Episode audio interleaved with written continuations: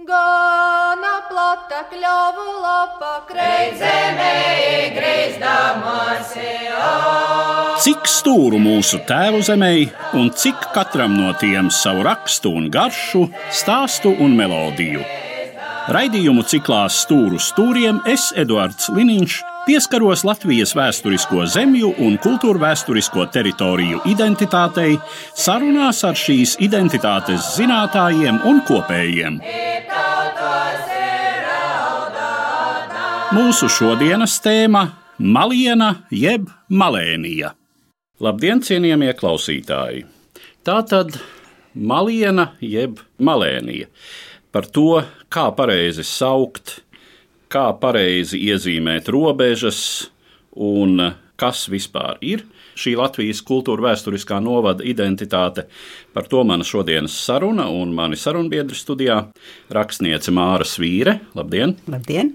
Un ģenētiķis Jēkabs Raipulis. Labdien! Kā viņi paši sev pieteica, abi dzimuši malēnieši. Vispirms par nosaukumu. Tai kartē, kas ir pievienota likumam, ir rakstīts Malēnija.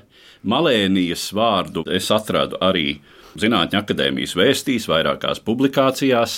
Motīvs esot, kāpēc nevis Maliena, bet Malēnija, tāpēc, ka pastāv savulaik izveidots tāds Malienas pagasts, kas ir viens Bija. no, viens no alūksnes tagadējā novada pagastiem.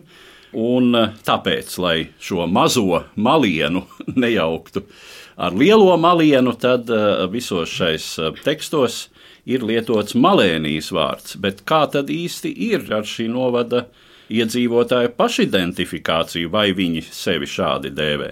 Domāju, ka nē, neesmu dzirdējis nereiz. Bet starp citu, ir alūksnē avīze Malienas un alūksnē ziņas, nevis malēnijas ziņas. Man šis vārds malēnija kaut kā griež ausīs. Vispār malēnija piedzima jau sen, pirms 30 vai 40 gadiem Latvijas televīzijas raidījumā. Tas bija tāds humora raidījums, nu, starp citu diezgan garlaicīgs, kā vispār latviešu humors.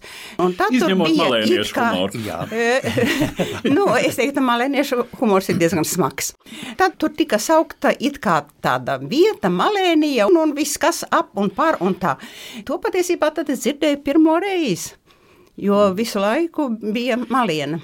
Taisnības labad jāsaka, ka atkal rakstos var atrast, ka malēniešu tēls pastāv tādā humoristiski, satīriskā, feļetoniskā literatūrā kopš 19. gadsimta otrās puses, un arī No droši vien- zvaigznītes Jākaba, no zvaigznītes Jākaba stāstiem par malēniešiem.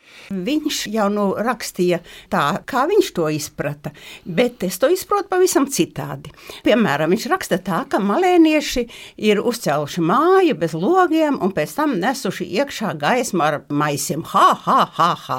Bet, ziniet, tas viss ir ļoti nopietni, jo tajos laikos necēla mājas bez logiem, bet tagad Kinoteātris bez logiem, koncerta zāles bez logiem, lielveikali bez logiem, teātris zāles bez logiem. Un kas apgaismo? Apgaismo maisiņš pie griestiem. Elektriskā spuldze. Un, ja es tā pavisam gribētu lielīties kā īsta malēniete, tad es teiktu tā, ka varbūt malēnieši ne tikai pakāra to maisiņu pie griestiem, bet varbūt viņi vispār izdomāja elektrību. Mēs rakstījām kopīgu grāmatu ar Dāci Markus, kurā ļoti šo te malēniju tā uzsver. Jo viņa uzskata, ka tiešām, lai nejauktu ar malienas pagastu, tad tā kā ir leiputrija, tā varētu būt arī malēnija. Tā tad mazliet viņa ar tādu utopisku vai fantastisku pieskaņu, bet lai norobežotu no tā, ka ir kaut kāds nostūris, tāda vietiņa, par kuru var pasmieties tikai. par eh, teritorijas robežām. Skaidrs robežas nav iezīmētas Nav, uzreiz nav, jāsaka. nav. Tas pašreiz aptver praktiski visu alūksnes novadu, un eh, tad tā mazliet tas uzraksts ietiecis pāri Latgales robežai Balvu novadā, un eh, tā var saprast, ka arī vismaz daļa no Gulbenes novada arī ir piederīga. Lai gan vēsturiski jāsaka, ka sākotnēji par malienu ir dēvēta tā vidzemes daļa, kurā runā augšzemnieku. Dialektā, pie kam eh, reizums pieņemot klāt arī sēliskās izloksnes, kas tad ir Madona, Lubāna, Un arī, kā zināms, Madonā savulaik ir iznākuši laikraksti ar nosaukumu, kur ir malienas vārds bijis. Ziniet, es kādreiz lasīju vienu Jāņa Jaunsudrabiņa vēstuli. Es vairs neatceros, kam tā bija adresēta, bet man ļoti labi palicis atmiņā tas, ko viņš rakstīja ka gar vidzemes un latgales robežu ir tāda pārējas teritorija, un šajā pārējas teritorijā ir izloksnes, dažādas, sākot jau patiesībā no neretas. Un, kā jūs tagad tikko teicāt, gar Lubānu, gan gar Madonu, gar Gulbeni, visvairāk patiesībā man liekas, ka tie ir malēniešu intonācijās, laustajā intonācijā, jo malēniešiem nav stieptās intonācijas un krītošās. Mēs tikai laužam, visu laužam. Bet tādi īstie malēnieši, kas runā malēniešu dialektā, tie Patiesībā tā vismaz arī domā Jaunlaicības mūžas muzeja vadītāja Sandra Jankovska, ka tie ir Jaunlaicības pagasts, Veclaicības pagasts, Ziemeru pagasts. Un tad atkal jārunā par robežām. Drusītiņu uz Ilzenes pusi, drusītiņu uz Alūksnes pusi. Tādas ir apmēram tās robežas, bet man patīk tas, ka Malienai un malēniešu apdzīvotai teritorijai nav īsta konkrēta robeža es domāju, nevar tik sasaunāti to teritoriju. Teiksim, tur kalncempi un tā tālāk tie tipiski maleniskā. Kaut viņiem ir mazliet nianses jāsaka atšķirīgas. Un arī gulbenē, tagad jau mazāk, bet gulbenē ar ļoti izteikti. Gulbenē tur apkārtēji beļava un tā, tie tomēr arī ir. Un kādreiz pieskaitīja pat gaujienu, teiksim, un vēl plašāku. Nu, vispār, ja mēs tā vēsturiski skatāmies to teritoriju, kuru tagad tā kā pamatu uzskata Maliena, ir atzele. Tātad tā teritorija blakus tālavai, kura ir vēsturiski fiksēta dokumentos un kuras tā teikt centru īsti nezina. Alūksnē tāds entuziasts Veldre, kurš cīnījās par to, lai alūksne tiktu uzskatīta par to centru, jo dokumentos, esot Pleskavas dokumentos, kurus saukt par Očau atzele, ir tieši alūksnē. Gaujinieši cīnās par to, ka tā ir Gaujienā bijusi, jo vēlākos rakstos tieši Gaujina tiek saukta kā atzele. Senie pilskalni ir kā vienā tā otrā vietā, un vēl daži tajā novadā. Un eh, tas, ko arī nākas lasīt, maz pētīti, maz arheoloģiski izpētīti. Jā, Pilskalni ir ļoti daudz. Acīm redzot, ka tas tomēr ir uz Krievijas ciltīm e, cīņas ir bijušas. Un Krievi jau tur ir spiedušies iekšā, pareizticību centušies ieviest, arī var zinām, mērā ieviesuši. Ir, ir vispār ļoti apdzīvots tur pilssalā, tur, kur tas vācu cietoksnis bija. Tur ir veikti izrakumi, tur tāds atgāzis ar alūksnietis vēsturnieks, kas tur ir daudz materiālu atradis, un arī Tempļa kalnā, kur ir bijis droši noteikts tas latviešu.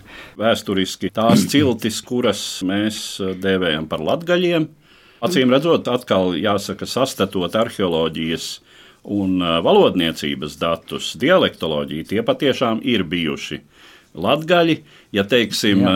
tās latgaļu zemes, kas tālāk uz rietumiem vidzemē, kur mēs tā kā vēsturisko laiku sākumā arī redzam latgaļus, kultūrāli, acīm redzot, politiski. Tā teritorija tā ir identificēta. Tad no dialektu viedokļa tur jau ir redzamas zemgalēji radniecīgas, tās vidusdialektu izloksnes, tad tur ir lībiskais elements. Bet no šis vidzemes gals patiešām tie ir bijuši latgaļi. Tas nu ir nepārprotami. Vispār jau tas būtu interesants pētījums, kad tad nodalījās tie dialekti, jo varētu domāt, ka tad, kad Zviedru laikos tāda vidzeme bija Zviedru, kur bija arī alūksne, bet latgales tā daļa bija poļu, bet, nu, liekas gan, ka tie dialekti ir veidojušies agrāk jau. Kaut gan, teiksim, Gliks rakstījis ir tā teikt pareizā literārā valodā, kāda to laik bija. Tur nav atrodams nekas no malēniešu. Bet tā jau ir, kā viņš bija pilsētā. Un pilsētā arī, tā teikt, manā laikā, pilsētā jau neviens malēniski nerunāja. Malēniski runāja laukos. Un tad, kad mēs aizbraucam pie tēva brāļa uz Jaunlaicenes pagastu, tad eh, es vēl esmu bijis pavisam maza, kāda 4-5 gadi, un es esmu teikusi, bet tētiņ, es tavu valodu nesaprotu. E, savukārt drusku vēlāk arī reizes biju tur Jaunlaicenes pagastā Ruškos un uz vairākām dienām atstāta, un atnāk kaimiņiene. Un kaimiņiene tā ik pa brīdim saka, kūsoki, kūsoki, kūsoki. Es tā kā visu saprotu, ko viņa runā malēniski, Bet ko nozīmē tie kūsoki? Ko tas var nozīmēt? Es tā domāju, domāju, kamēr beigās izdomāju, jā, viņa labi nedzirdēja. Un viņa pārjautāja, ko soki. Tādā literārā valodā, ko saki. Un tagad, kad es to atcerējos, es domāju, ka patiesībā tas ir tāds eh, labs jautājums. Mēs parasti sakam, kā lūdzu, ko lūdzu, bet varētu arī teikt, ko saki, ko teici. Un tas varbūt izklausītos pat tā intīmāk un mīļāk, sevišķi savā ģimenē. Manā ģimenē nerunāja malēniski, tāpēc, ka mamma bija dzimusi Rīgā, kaut arī malēniešu pēctece. Viņas vecāki bija no veclaicenes, bet dzīvoja Rīgā, un mamma neprata malēniski, tētis prata, un kad mēs aizbraucām tur pie viņa brāļa, pie otonkuļa, tad eh, viņi tur runāja visi malēniski, izņemot manu mammu un mūsu meitenes. Malienas šī teritorija, tā tiešām eh, vismaz kopš 17. Eh, gadsimta ir tāds, nu, varētu teikt, eh, bez jebkādas nievājošas pieskaņas, tas ir nostūris. Tā ir teritorija, kas no vienas puses ziemeļos vēsturiski robežojas ar Igaunu apdzīvotām zemēm. Politiski, teiksim, kopš 17. gadsimta tā ir viena teritorija, kas bija Zviedru vidzeme. Uz dienvidiem eh, tā ir Latgale, kas kļuva par Polijas teritoriju, un te ir tā būtiskā atšķirība, ka malienieši ir gan eh, augšzemnieku dialektā runājoši, bet stingri luterāņi. Jā, tiešām stingri luterāņi. Ir tāda leģenda, ka 1905. gada revolūcijas laikā Linards Laicens, kas ir trapēnietis, ka viņš ir mm, apekalna baznīcā tā kā dievkalpojuma laikā vai šāvis ar pistoli. Bet tam nav nekāda apliecinājuma, tā ir tikai tāda leģenda. Nu jā, un austrumos tad šī teritorija tiešām saskaras ar Krieviju, kuras klātbūtne arī ir ir jūtama. Cik, eh, jūsuprāt, eh, liela nozīme ir šai situācijai, kad no daudzām pusēm tā teritorija saskaras ar citām etniskām, eh, politiskām, reliģiskām zonām? Es domāju, ka ļoti liela pat ietekme. Pirmkārt, jau teiksim, ir agresīvs kaimiņš, kā Krievija, teiksim, kad Šeremetjeva armija nāca iekšā Latvijā. Tad, kā Gliks raksta, tad tur no tiem, cik tur 60 ciemiem, kādi divi, trīs palika tikai nenopostīti. Un tie cilvēki vēlāk atgriezās, kuri bija aizbēguši mežā, bet kuri neaizbēga, tie tur arī palika. Es esmu, tā teikt, uz tās gandrīz stūra nu, ne uz paša stūra starp Igauniju un Krieviju. Tur ir Mārkalne, bet Ziemeri arī. Un, un Veclaicene robežojās ar Igauniju. Un mājās mums mamma neļāva runāt eh, malēniski, bet tēvs runāja. Un tad, kad atnāca ciemieti, pat kaimiņi, kas gribēja runāt malēniski, tad tēvs jau vienmēr viņam malēniski runāja. Un tad mamma vienmēr viņam tā teikt, baksties sanos, ko tu tā teikt, bērnus tā samaitā ar, ar šo te valodu. Un mums tur blakus arī dzīvoja igauņu, un igauņu vārdi bija skolā, tas jau padomi laikos, bija lūksnē Krievu skola, un eh, latviešu valoda jau ar diez vai viņi tā labi apguvā. Nu, tagad jau mēs gan redzam, ka slavenais Biatlonis Rastargujevs tā teikt runā nevainojami latvisku, un es domāju, ka tu pārsvarā arī pāriet uz latviešu. Lūksnē Krievi radās tāpēc, ka tur ir kazarmas, un tur bija Krievu zaldāti, un tur bija Krievu virsnieki, un tie Krievu skolas bērni bija patiesībā Krievu virsnieku bērni, un tad vai nu viņi pēc tam visādu peripētiju rezultātā ir asimilējušies vai aizbraukuši. Bet par to apdraudētību no visām pusēm es domāju, ka tas lielākais iespējas bija tas, kā izveidojās malēnieša raksturs. Un malēnieša raksturs raksturs tā ir tāda ļoti interesanta parādība, kuru es pat izjūtu vēl līdz šim laikam. Tagad, kad es eh, jau daudzus gadus esmu tāda apdomīgāka nekā bērnībā tur alūksnē, tad es to tā neanalizēju, bet tā nu tas ir. Interesanti, vai Jākaps piekritīs vai nepiekritīs. Jā, starp citu, malēniešiem nav šaurā un platā e. Malēniešiem ir vienkārši e. Jēkabs. Jēkabs un viss, nekāds jēkabs. Un, un arī nejēkabs. Nē, un arī nejēkabs. Lai gan dažreiz malēnieši saka vēsture, vēsture. Tā dikti šauri. Tā tad malēnieša raksturs. Malēnietis ir spītīgs un tiepīgs. Un ir tāds teiciens, ka, ja malēnietis kaut ko ir ieņēmis galvā, tad var viņam uz pakauša mietu test un viņš neatkāpsies no sava, vai ne? Jā, Jā neatkāpsies. Arī patiesībā Zvaigznītes Jēkabs to ir pamanījis, un, un viņam ir tāda it kā malēnieša anekdote. Kam strīdā ir taisnība? Tam, kurš vairāk tīpās. tīpās ir, ir tiepies malēniski tīpās. Malēnietis paliks pie saviem uzskatiem, un patiesībā tas ir ļoti pozitīvi, jo tas taču ir nožēlojami, ka cilvēks maina savu viedokli vienu dienu tā, otru dienu tā. Malēnietis paliks pie sava. Man tagad eh, tā domājot, cik mums ir politikā malēniešu? Nu, maz ir, maz ir politikā, bet derētu. Jo politika ar tiepšanos ne, ir grūti savienojama. Po, politikā tas neder un, un diplomātijā galīgi neder. Tātad malēnietis ir tiepīgs, malēnietis ir spītīgs, bet spītība jau gan nav visai laba īpašība, jo vienmēr, kad spītējās, tad iespītē sev vairāk nekā tam otram. Tad eh, malēnietis, es nezinu, vai tas ir labi vai slikti, bet, bet malēnietis, es atvainojos, ir dumji godīgs. Viņš negaida no citiem kaut kādu viltību, kaut kādus pāridarījumus. Viņš domā, ka viss būs tā, kā tam ir jābūt. Un pats viņš ar tādu atklātu plaukstu vai atklātu sirdi iet pretī cilvēkiem. Bet nevajag domāt, ka viņš ir tāds iztapoņa un klanītājies un tā. Nē, nē, nē, nē. malēnietis ir pašlepns. Vispār lepns, bet ne dumji lepns. Nu, es varu piebilst arī, ka par to visvairāk ir Mauliņš rakstījis. Viņam ir arī tāda grāmatiņa, malēnieši, bet nu, es domāju, ka tas būtu tā pozitīvais, varbūt ar ko malēnieši arī zināmā mērā lepojās. Bet kā jau visiem, un sevišķi tādā teritorijā, kur jāizdzīvo, viņam ir jābūt arī diezgan tādam noslēgtam, slepeni, kā saka, darīt vienu, bet domāt pavisam citu.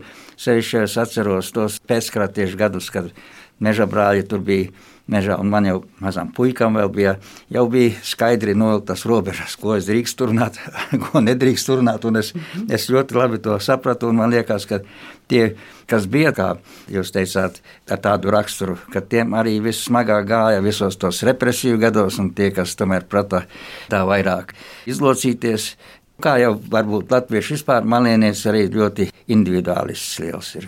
Vai jūs atceraties, kā tur bija Jānis Mauliņam vienā romānā, man liekas, ar to tupekli?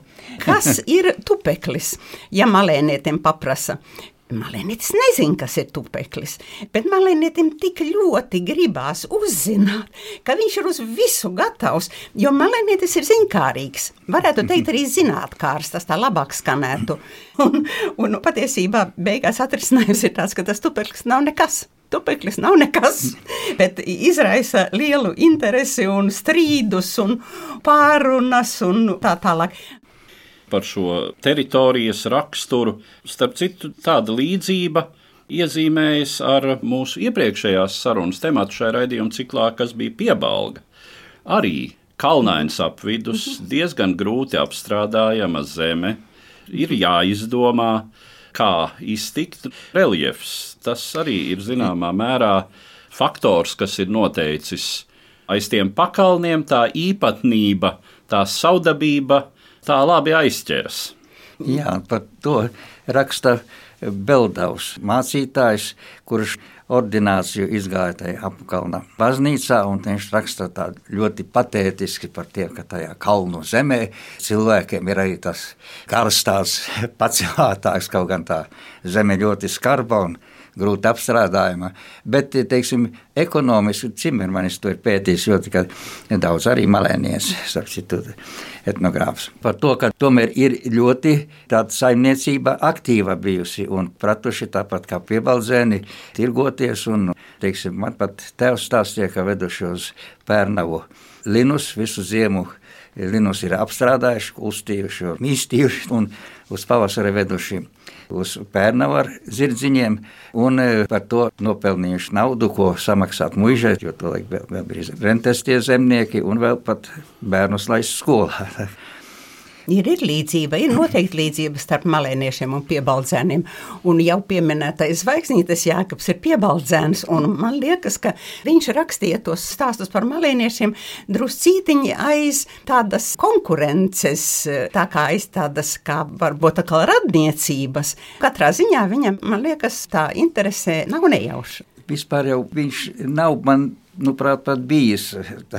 Nē, nē viņš nav bijis. Viņš to raksta, raksta zējojot tā pavisam ne, ne pareizā, kā saka, malēniska izloksnē.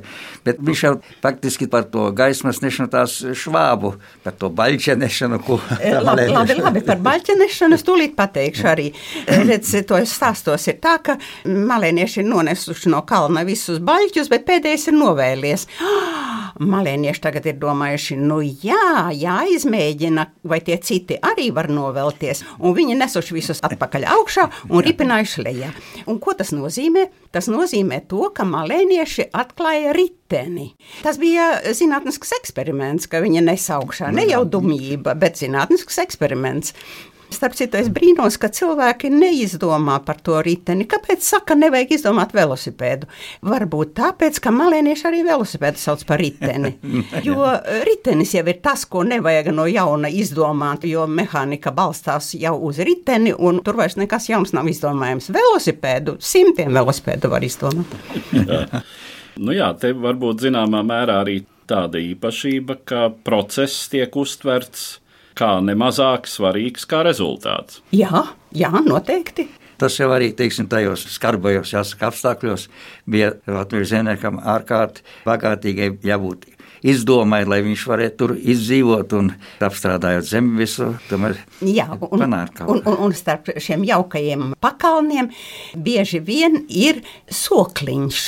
Jā. Kā malēnieši saka, jūs zināt, kas ir sokliņš? Nezināt. Tas ir mazs purviņš. Mazs purviņš, kurā aug dzērvenes. Un viena saimniece, otra un trešā katra var savu spaini dzērviņu tajā sokliņā salasīt.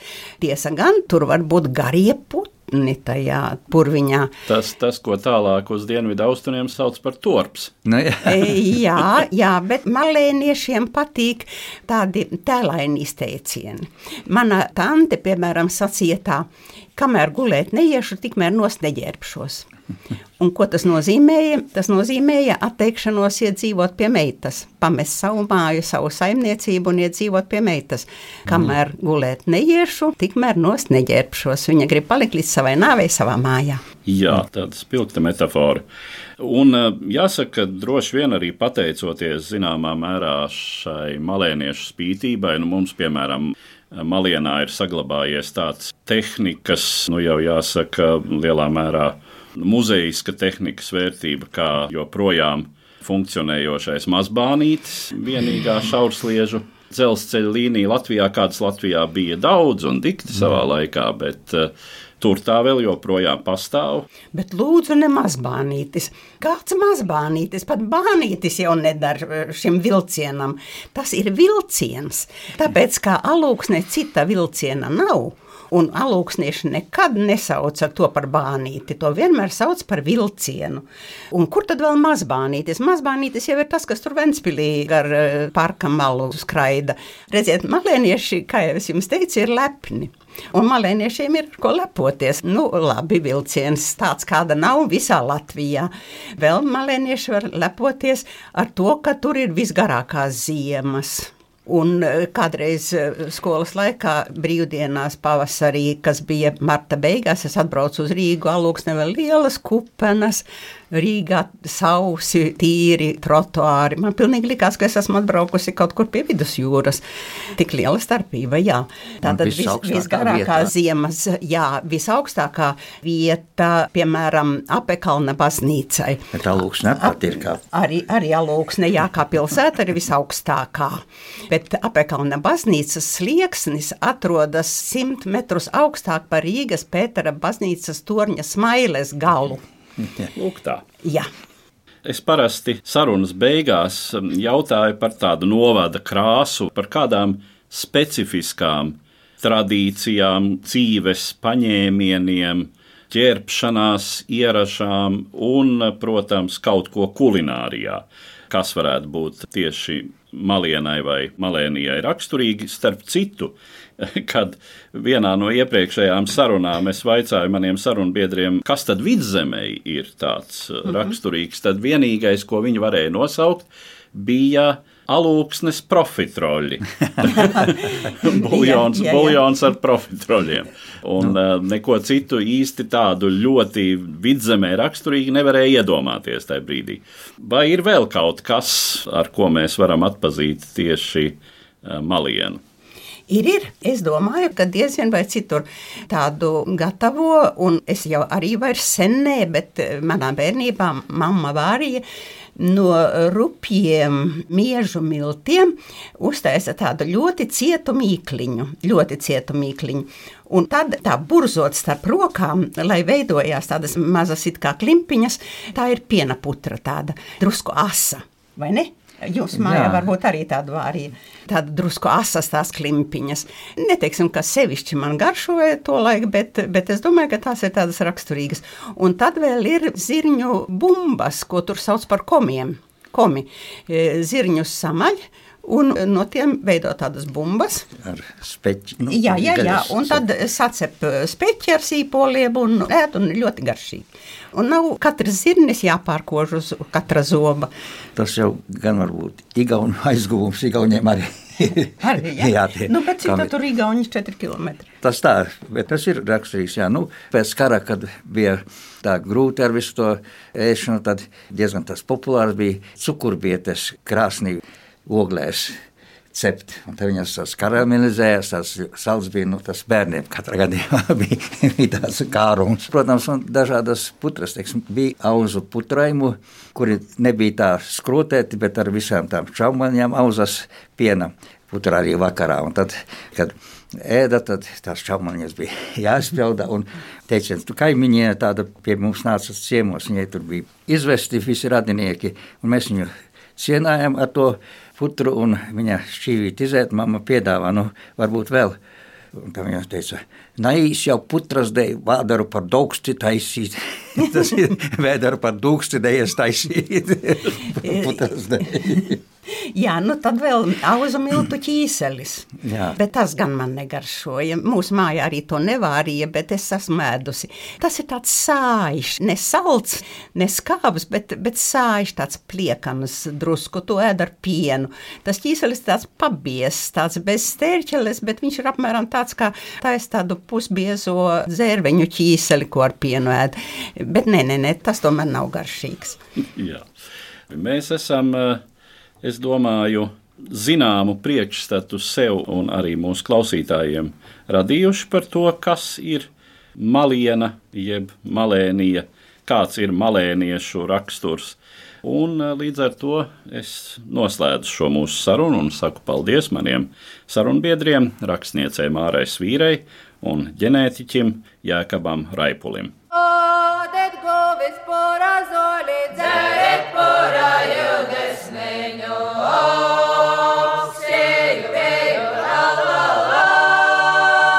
Latvijas vēsturisko zemju un kultūrvēturisko teritoriju īpatnējā identitāte Eduarda Liniņa sarunās ar šīs identitātes zinātājiem un kopējiem.